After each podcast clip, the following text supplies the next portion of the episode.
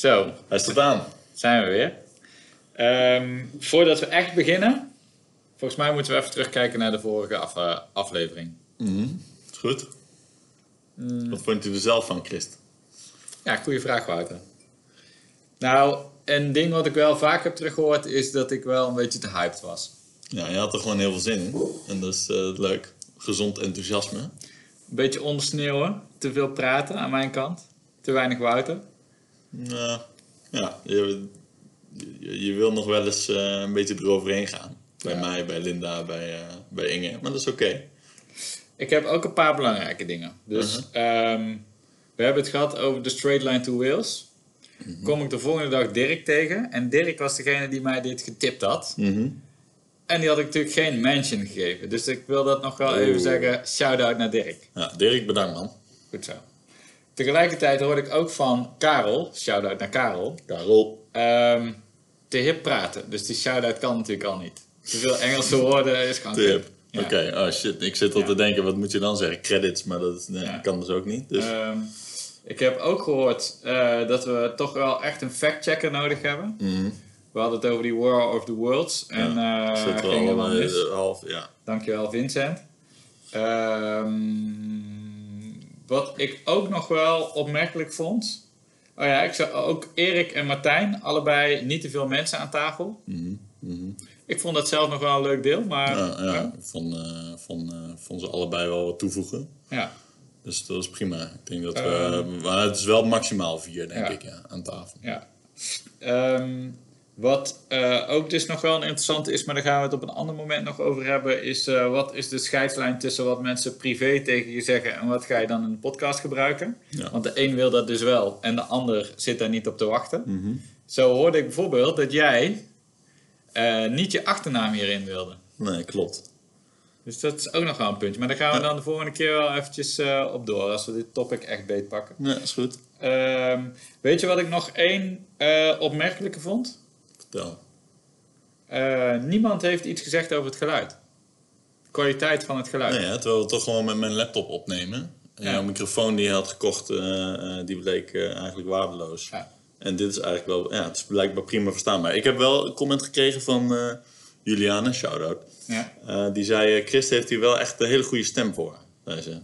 Ja, en Maaike is zei ook- ook, zoiets. Ja? En dat vond ik opmerkelijk, want ik heb eigenlijk een soort hele monotone bromstem. Ja, maar je zit je- de Als goede ik in frequentie, actiemodus denk ik. zit, Ja. dan gaat het goed. Eh, Sam, shout-out, eh, had nog getypt in de sheet. Het geluid was kut. Maar dat Ja? was gewoon een stukje trollen. Ja, denk ik dat is bullshit. Want Ja. volgens mij is het heel goed verstaanbaar. Maar jij hebt dus wel... eh, Dat, dat, wat Julian dan zegt over jouw stem... zegt natuurlijk ook iets over mijn stem. Eh, zij is mijn vriendin. En ze kan er heel eerlijk in zijn. Zij, ja, je hebt een beetje een te lage stem eigenlijk. Dus eigenlijk... eh, Maar misschien moet jij iets meer hyped gaan. ja, dan moet ik... Wow, wow, wow! Vet, Chris! Wat ik nu weer tegenkwam! Wat ik nu weer tegenkwam. Ehm. Ja, dus, dus dat. Eh, Vincent zei ook nog, eh, ik heb te weinig nog Wouter gehoord om een echte mening te vormen. Maar jullie zijn wel verschillend, dus ik verwacht dat het wel mooi aanvult. Ehm, Ja, ik zie mezelf ook wel gewoon als sidekick. Hè? Ik, vind, ik vind dat jij wel de main event bent van deze show. Oké. Eh, het zijn jouw obsessions. Ja, Maar, iemand, ehm, iemand schreef dat ook inderdaad nog. Ja, dat moet jou wel Ehm, aanvullen natuurlijk. Daar ben ik wel met me eens. Ja, even kijken, dus je een beetje, eh, eh, ja, volgens mij was dat ook Vincent. Vincent, shout-out, dankjewel. Ehm, ik denk dat we ehm, alle belangrijke dingen hebben eh, gehad. Mhm. Eh, dank voor alle feedback. Ehm, let's go. Dit is de podcast Current Obsessions en of andere zaken die aandacht behoeven met vandaag Christ en Wouter.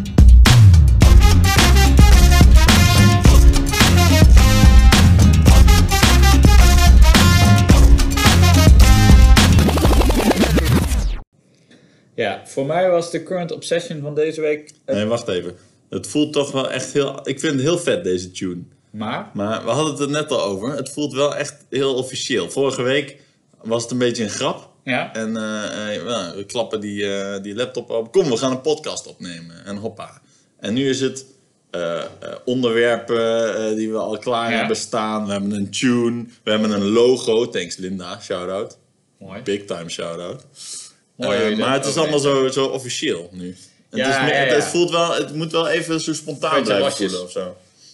Ja, en toch eh, vond ik dat vorige week was het ook al wel. eh, het was wel losjes, maar ik zat daar toen wel ook best wel cramped in. Ja, ja.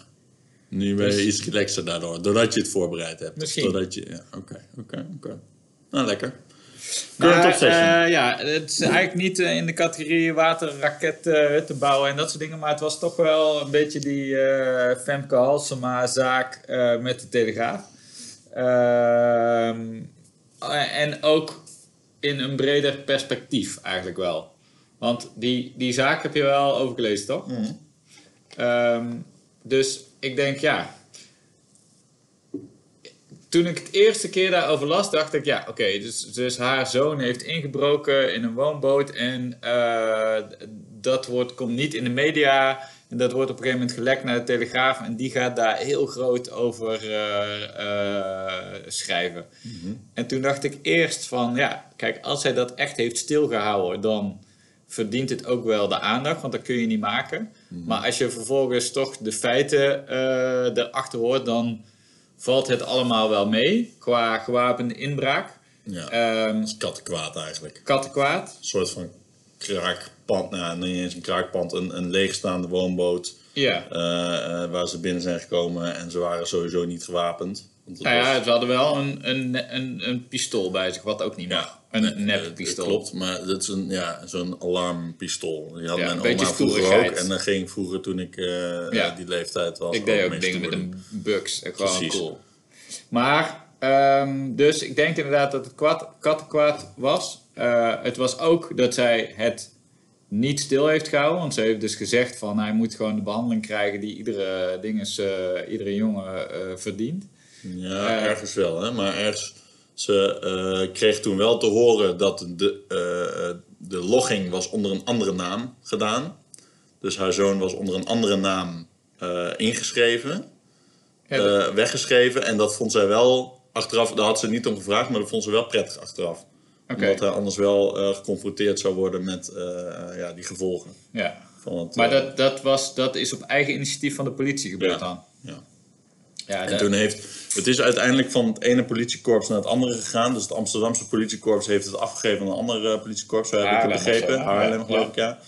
En ehm, toen is het eigenlijk niet naar buiten gekomen. Want die Amsterdammers, die waren helemaal van, oh shit, dit is de, de, de zoon van de Ja. burgemeester. Eh, wat gebeurt Ja. hier? Het gaat naar een ander eh, korps, omdat het juist de belangenverstrengeling allemaal voorkomt. En vervolgens hoort de politie Amsterdam er niks meer over. En, En die, die agenten, denken- die hebben zoiets, hé, hey, dit wordt allemaal in de doofpot gestopt. En die- Terwijl het natuurlijk allemaal zorgvuldig wordt gedaan. Ja. En vervolgens gaan zij naar de Telegraaf.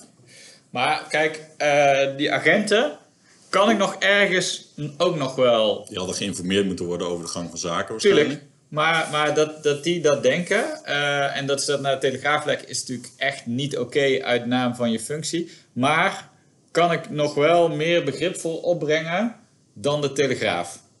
Want vervolgens krijgt de telegraaf krijgt dit als tip. En wat hoor je dan te doen als krant? Dan ga je dit onderzoeken. En dan, dan op het moment dat je dan doet, oké, het was een bootje met een kajuit. Eh daar maak je dan een, een woonboot van. eh gewapende inbraak. Maar ook al die dingen met die verplaatsing, et cetera. Ja. En is dit nou wel of niet onder de pet gehouden? Maar ik, ik vermoed dat zij al lang wisten eh, dat het niet om een gewapende inbraak ging. eh, maar dat dat wel een hele lekkere kop is. Ja. Als dat eh, om Maar dus de heel, dat, dat is het ding. Het is heel, zo komt het op mij over, heel, hoe noem je dat? Moedwillig. Mhm. Een schandaal maken wat er eigenlijk niet is. Ja. Dat is sowieso al dubieus. En dan ook nog als het dan gaat over een jongen van 15, die gewoon dit de komende 20 jaar met zich meedraagt. Ja, ja nou dat, kijk, dat eerste kunnen we denk ik verder over gaan. Want ik denk dat dat echt iets is van deze tijd. Dus dat je dat overal nu ziet. Ehm, het opblazen van, van, eh, eh, van zaken en vooral heel polariserend neerzetten. Eh, omdat het gewoon heel lekker scoort. Dus Ja. dat, natuurlijk, er zijn gewoon kranten die ethisch nog wel een kompas hebben. De meeste kranten. En die zouden zoiets niet doen. Maar als je nu kijkt naar wat er op Twitter speelt. Ja. Het enige wat scoort is ontzettend controversiële meningen. Vervolgens wordt daar wordt natuurlijk enorm op gereageerd, want er wordt Ja. eh, verontwaardigd op gedaan. Eh, of die krijgen ook wel support van eh, andere idioten. Dus bijvoorbeeld een hele extreemrechtse uiting, dat wordt dan gequote door, door links. En eh, eh, dat, gaat, dat, dat, dat levert gewoon de meeste interactie op.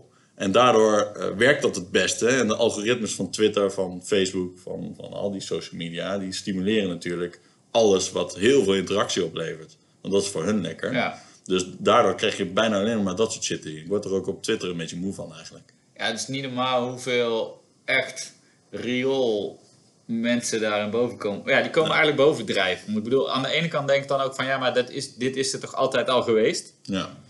Maar Maar- door die algoritmes komen ze nu met Ze krijgen nu wel gewoon een soort megafoon. Ja, die, ja die, die, die, dat, dat retweet en dat quoten is gewoon enorm. Ik bedoel, ik denk dat een paar jaar geleden volgde je mensen op Twitter omdat je ze interessant vond. En eh, je vond hun, eh, verhalen, meningen, stukjes, hun teksten, hun content interessant. Ehm, en nu kom je die bijna niet meer tegen, maar je ziet bijna alleen maar dingen in je De timeline. extreme. Ja, dingen in je timeline van mensen die je niet volgt, maar die eh, via het algoritme en via retweets en gewoon omdat het populaire content is, Ja. eh, dan komt het naar boven, ook in jouw eh, timeline. Je, je krijgt niet meer een chronologisch overzicht van wat iedereen die jij volgt heeft gezegd, maar je krijgt gewoon de meest juicy shit. En dat is, ja, Maar en dat is natuurlijk Nou in, in a way wat de Telegraaf ook altijd al gedaan heeft. Van zeg maar die, die negativiteit die scoort. En ik bedoel, dat is dan, je kunt dat, ja, of het zijn twee eh, einden van een spectrum, maar met name de, de negatieve, de verontwaardiging, ja. dat is, dat is echt wel iets geks. Ja, en altijd de, de, de, de, het conflict laten zien. Dus bijvoorbeeld ehm, klimaatwetenschap is vrij eenduidig over het, de invloed van de mens en, eh, op, op, op, op de opwarming van de aarde bijvoorbeeld. En het schijnt zo'n 3% eh, van de wetenschappers te zijn die dat in twijfel trekt. Ik wil hier niet te lang op ingaan, maar even om dit als voorbeeld te geven. Eh, toch zie je op Twitter, maar ook in, de, in, in Elsevier en in Telegraaf. Worden die ook de hele tijd aangehaald. Precies, is Ja. het alsof je twee kanten van een verhaal laat zien. Ja. Terwijl eh 99 mensen één ding zeggen en één persoon de andere, eh, een andere mening heeft. En het wordt als gelijkwaardig gezien. En dat is, dat, volgens mij maakt dat naar. Want de- omdat die, dat conflict interessant is. Ja. Weet je wat ik ook wel interessant vind? Als je dan gaat kijken naar eh, zeg maar Twitter en die kanalen. Ehm, eh, even denken. Volgens mij had je eigenlijk eerst zeg maar een beetje de anonieme trollen. En ehm, die zijn er nog steeds, ook veel. Maar het is ook wel weer meer okéisch geworden om dat onder eigen naam te doen. Ja. En dat laatste, dat vind ik vooral gek.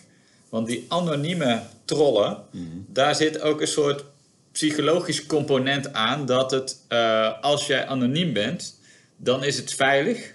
Dus dan kun je gewoon iets roepen. En eh, dan krijg je ook een soort, eh, ik las er een artikel over en dat noemden ze, hadden ze een woord voor wat ik nou niet meer weet. Waar is die fact-checker? Ehm, maar dat je een soort onthechting hebt. Dus dat jij een soort dehumanisering, dus jij zegt iets en ik ben een anonieme troll. En dan kan ik jou gewoon helemaal kapot schrijven. M- Maar eh, doordat niet. ik dat vanuit een anoniem eh, ding heb ik niet meer het idee dat jij ook echt gewoon een mens bent Ja, die dit ja. leest, et cetera.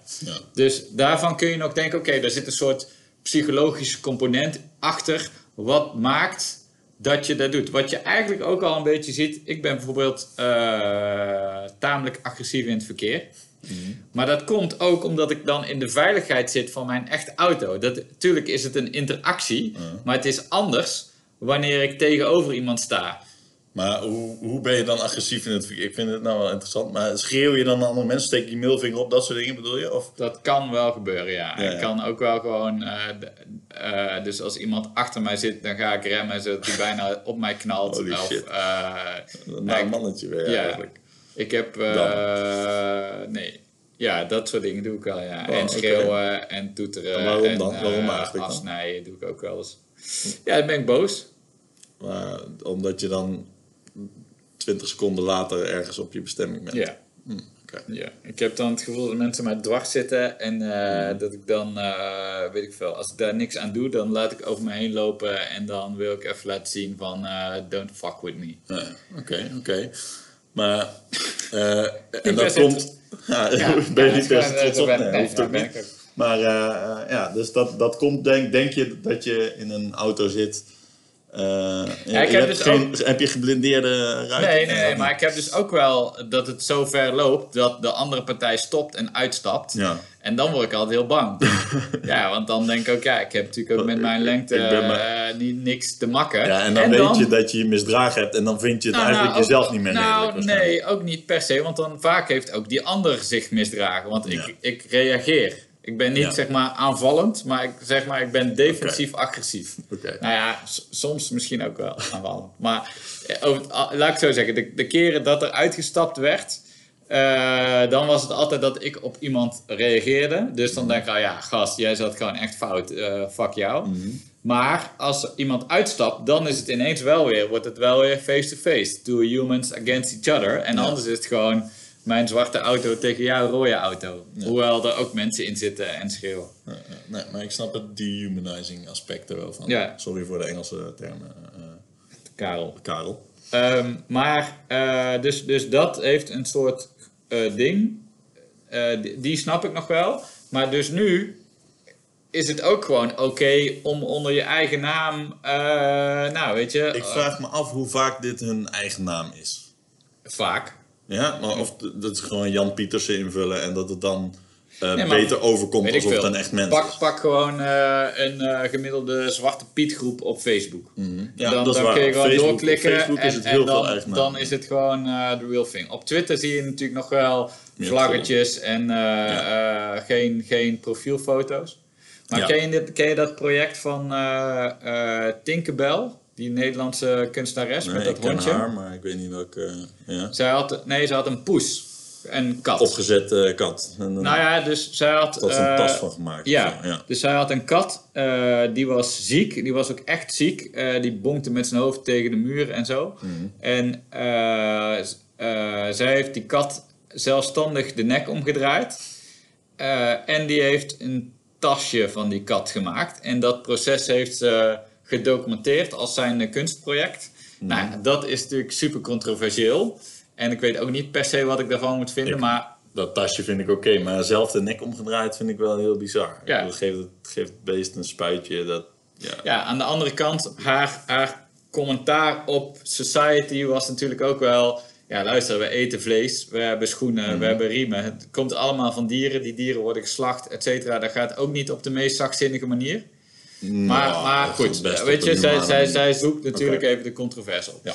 Maar goed, tasje gemaakt en eh, eh, ik denk online gezet, eh, weet ik wat. Maar vervolgens, ja, te verwachten, komt er natuurlijk een bak met stront los. Want daar wordt over geschreven en dat gaat, dat gaat maar door. Dus zij heeft eh, een tweede project gemaakt. Waarbij het niet meer ging over, over, over dat tasje, maar over de reactie daarop. Dus zij heeft een, een boekje gemaakt met eh, alle haatcomments die zij kreeg. Die, you motherfucking cunt, I will make a bag of you, eh, zeg maar, dat soort dingen. Aan de ene kant. En aan de andere kant had zij dan eh, het profiel van die mensen weergegeven. Dus die die you motherfucking cunt, dat was dan bijvoorbeeld een hele keurige basisschoollerares uit Ohio, bijvoorbeeld. Ja, en dat is dus ook wel weer maf van dat mensen waar die je in real life tegen zou komen, e- eigenlijk hele normale mensen zijn, Ja. maar die online gewoon ineens exploderen. Toetsenbordridders of toetsenbordhelden, ja. ja. die dan ineens eh, eh, ja, iets, dat iets in ze loskomt. Dus dan is het dus nog steeds te anoniem. Dus jij denkt dat, stel dat deze mensen tegenover Tinkerbell zouden staan, real life, dan zouden ze in ieder geval niet op die Nee. manier... eh, eh, zouden ze wel een afschuw uitspreken over dat project en zo. Ja, Maar ja, dus ik denk wel dat een soort van eh, dat het, het laagje beschaving wat we hebben, is denk ik flinterdun. ja. eh, is aangeleerd. En dat, dat Ja. dus online, anoniem, veilig, dan ineens gaat dat laagje eraf en dan wap. Ja, ik, ik ken zo'n video waarin volgens mij bekende, ik denk dat het Hollywoodsterren zijn, lezen ook Oh ja, comments comments voor. voor. ja. Ja. Dus wat ze voor replies Ja. krijgen op Twitter. En dat zijn ja, net zulke termen natuurlijk. En dan wordt het ineens ook heel erg. Van iemand leest voor wat hem of haar wordt toegewenst. Ja. Dan denk je echt van, wat, dit is gewoon te bizar voor woorden. Hoe heet die eh, D66-leider nou ook weer? eh, Pechtold. Pechtold, ja.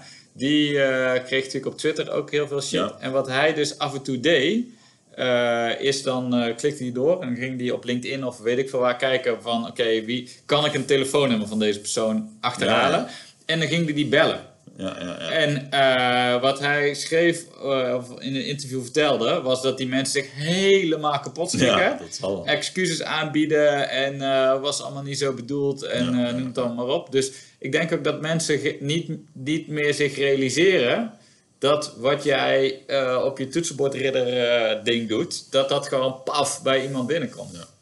Oké. Dat is wel eh, best wel crazy. Maar ja, het is dus nu wel de vraag van... Maar, maar wacht even, als we dit, hier wil ik nog op ingaan, Ja. als we dit ehm, kunnen kraken, want dit zorgt dus voor heel veel haat, heel Mhm. veel uitingen van haat die we normaal gesproken, waar we normaal gesproken, ja, zouden we het niet zo extreem doen.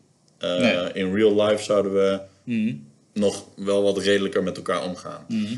Dus zou dit dan een verharding van de maatschappij creëren? Dat, dus het, het, het feit dat het discours als het ware online, eh, Mhm. steeds meer naar online verplaatst wordt, eh, daar is het dan harder op de een of andere manier. Ja. Wordt misschien de samenleving als geheel wel harder? Of is onze perceptie dat die harder wordt? Misschien wel omdat het medium online is. Ja, dat kan best. Dat, dat je toch een soort eh echo-put creëert, waarbij je dus eigenlijk waar eerst iets gezegd wordt en eh, bijna letterlijk verwaait in de wind, blijft dat nu een soort van rondbouncen in, een, in, een, in de echokamer en daar knalt iemand anders weer iets op en dan wordt extremer alleen maar extremer. Ja, dus, maar stel dat we dit zouden kunnen oplossen. Ik, Ja. Maar dat kan bijna dan- niet, denk ik. Omdat het, eh, kijk, het is niet alleen maar een technologisch probleem, maar het is wired in wie wij zijn als mens. ja, Het is, ik las ergens iets over psychologische cocaïne. Gewoon eh, de, de dopamine die je aanmaakt als je iets, iets leest of iets vindt of weet ik veel wat. Dat je on- onbewust wil je daar meer van. Weet je, ik, ik haat ook, ehm, eh, weet ik veel wat, celebrity news. Of, eh, en, en ik klik toch. ja, Want je wil het toch weten. ja. ja, dat klopt. En ik zit nou ook te denken, ehm, misschien is het ook wel niet zozeer per se dat online, als je die, eh, als je hoort over die bijeenkomsten van die extreemrechtse, hoe heet die, die Belgische organisatie ook weer, die jonge Vlamingen, die, eh, nou ja, goed, factchecker. Ja.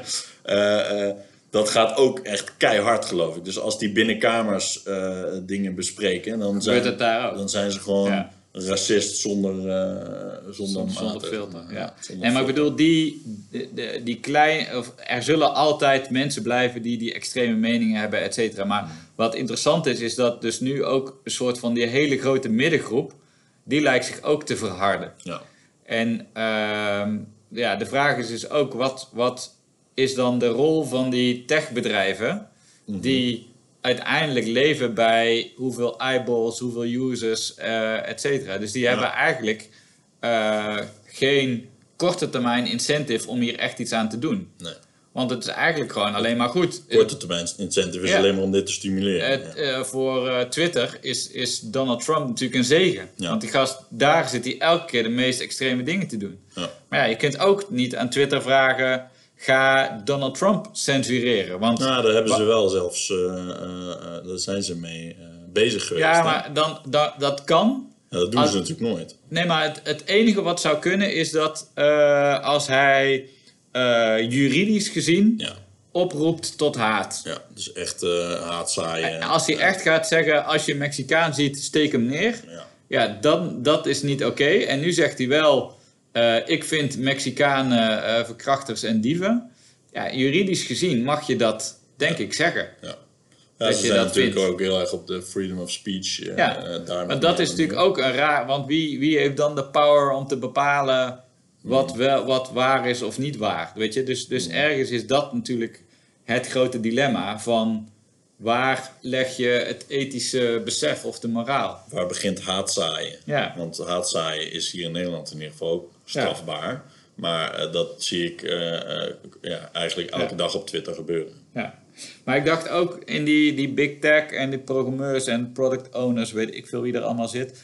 Ehm, heb je dat boek gelezen van Joris Luijendijk over die, die banken City? nee, die nog niet. Nee. ah ja. Ik dacht dat Dus, je het zijn ehm, mensen ging zeggen. Ja. Eh, hij heeft dat boek geschreven over die bankiers in de city. En op een gegeven moment doet hij een soort observatie dat ehm, de mensen die hij spreekt, zeg maar even die beurshandelaren met name dan, ehm, die grote risico's nemen, eh, die eigenlijk allerlei dingen doen die de maatschappij niet ten goede komen, dat dat eh, in privé situatie vaak hele normale mensen zijn. Die naar de kerk gaan, die zorgen voor een eh, zieke moeder of weet ik veel wat. Maar in ieder geval eh, dat er een soort hele harde scheidslijn is tussen... Oké, privé gezien zit ik er qua moraal en ethiek zo in. Ja. Maar business-wise heb ik de opdracht om zoveel geld te verdienen. Dus ik ga hele slechte hypotheken pushen. Ja. Ehm, en dat is misschien bij die bedrijven ook wel. Dat je dus eh, als privépersoon denkt... Hmm, het is eigenlijk niet zo goed dat wij bijdragen aan haatzaaien... dat we clickbait koppen maken en noem het allemaal maar op. Ja. Eh, maar zakelijk gezien is jouw opdracht... eh, increase eh, time Engagement. spent on Ja. the platform. ja, zeker. En dat is wel een maffe van... in hoeverre ben je je baan? Ja. En in hoeverre hoe ver voert dat door? Ik bedoel, Nou ja, ik denk dat als jij ehm, verantwoordelijk bent voor de strategie binnen zo'n big tech, en dan, dan zit je dus heel hoog in de boom. Ja, Mark Dat Zuckerberg levels. Juist, dat zijn de mensen die natuurlijk hier eh, de ethische eh, kant moeten. moeten eh, Ja, oké, maar dan ben, ik dus, dan ben ik dus Mark Zuckerberg. ja, maar die heeft dat niet. Nee, die heeft, maar laat, laten we zeggen dat hij tot, tot inkeer komt. En dat Ja. hij wel denkt, "Kut, daar moeten we echt iets aan gaan doen. Uiteindelijk kan het dan ook zijn, uiteindelijk is het ook niet meer helemaal zijn bedrijf. Hè? Want er zitten Nee. aandeelhouders achter. Ja. En eh, die zeggen misschien wel gewoon, ja, wat de fuck ga je nou doen joh? We hebben, we hebben net 100 miljoen in dat bedrijf gestoken om rendement te maken. En jij gaat nou een soort idealistisch genootschap hiervan maken. Daar gaan we niet mee akkoord. Ja, klopt. Dat is natuurlijk. Want voor de, voor in de long run ben ik nog steeds van overtuigd dat het goed is om dit soort dingen tegen te gaan. Omdat je anders eigenlijk een soort van self-destructive eh, Ja. bezig bent als bedrijf. Maar goed, het gaat inderdaad zeker bij dat soort eh, public eh, companies om de kwartaalresultaten En, en om de korte termijn. Kijk, en ik denk wel dat hij het ook wel voor een deel kan verdedigen naar die aandeelhouders. Van ja, ik balanceer tussen lange termijn en korte termijn. Maar dat is natuurlijk wel een soort raar krachtenveld waar je dan in komt. Waarbij, eh, hoe lullig ook, het geld toch heel vaak wint. Ja.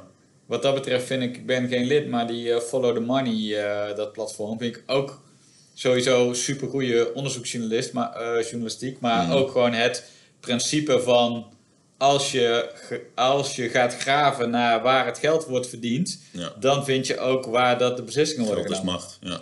Ja, en dat is ook een beetje wat die Rutger Bregman eh, tegen die eh, Tucker Carlson zei van you are a millionaire paid by billionaires. Ja. Dat is uiteindelijk wel waarom is Fox News er? Ja, omdat daar gewoon heel veel geld wordt verdiend. ja, die lobbycultuur in de Verenigde Ja. Staten is extreem natuurlijk. Ja, Dus hier is het al eh, merkbaar, maar daar is het Ja. absurd. ja. En ik denk, daar moeten we dus ook sowieso de volgende keer over praten van... dus ik denk eigenlijk dat we nou tot een soort van conclusie komen. Als je dit wil oplossen, dan moet je dus iets doen aan waar het geld wordt verdiend. Want anders ga je het nooit oplossen. Want anders is er altijd wel een krachtenveld met aandeelhouders die gaat zeggen: Ja, maar luister, ik snap je idealistische insteek, maar wij, wij zitten er gewoon in voor het rendement. Dus Ja. je moet dan iets van regulering gaan eh, toepassen. Op, eh, net zoals dat wij hier eh, in Nederland op een gegeven moment ook minimumloon hebben gekregen. Want je kan ook gewoon zeggen: Ja, luister, Marktwerking. eh, eh, marktwerking. Als jij niet wil werken voor 3 euro per uur, dan, dan prima, dan niet. Dan vind ik wel iemand die dat. Maar daar hebben we ook gezegd: nee, daar, zit, daar zitten grenzen aan om het menselijk binnen de perken te houden. Ja, dus dat zouden we ook. We zouden als Europese Unie misschien, of Ja. in ieder geval als Nederland, moeten zeggen: hey Twitter, jullie gaan de grenzen over qua eh, eh, moreel Ja, eh, besef eigenlijk. Jullie, Ja. jullie- dit, is ja. immoreel wat jullie hier doen, want Ja. jullie vergroten, jullie polariseren de samenleving op deze Ja. manier. Ja. En daarom Eh, maar worden jullie beboet? Of hoe, hoe Ja. moet je dat dan Ja, reguleren? eh, eh, weet ik niet. Iets, iets in, het, in het businessmodel. Ik, ik je had, gaat heel snel naar een soort Chinees systeem waarbij je dan Nou, nee. eh, dat soort, eh, alles zelf in eigen hand wil houden als, als Nee, overheid. nee, is veel voor Dat zeggen niet. natuurlijk, maar het is heel totalitair. Ik had het met mijn neefje over YouTube. En toen, hij is eh 17 of zo. En hij Mhm. sprak gewoon, ja, ja, maar die video's die worden demonetized. En toen zei ik, wat? En toen zei ik, nou ja, weet je, als jij filmpjes maakt en je springt van een brug of je doet gevaarlijke dingen, dan demonetized Mhm. Ja. YouTube die content. Wat dus eigenlijk betekent, het mag er wel op staan, maar er wordt geen geld meer aan verdiend. Nee. Dus zo'n soort systeem zou interessant zijn. Dus je mag nog steeds alles zeggen. Platform wordt niet gecensureerd, maar waar het geld aan wordt verdiend. Ik, ik bedoel, ik heb natuurlijk ook nog geen concrete oplossing, maar zoiets moet je dus gaan vinden Ja. om, om eh, te zorgen dat je de, de balans tussen censuur en eh, freedom of speech. Oké, nou, hier gaan we een oplossing Ja. voor bedenken. ja. Oké, mooi. Hebben we al één wereldprobleem? Zitten we al, eigenlijk al, we hebben een rubriek nu. Ja, een half uurtje kraken we dit Ja, oké, mooi. Oké, tot volgende week.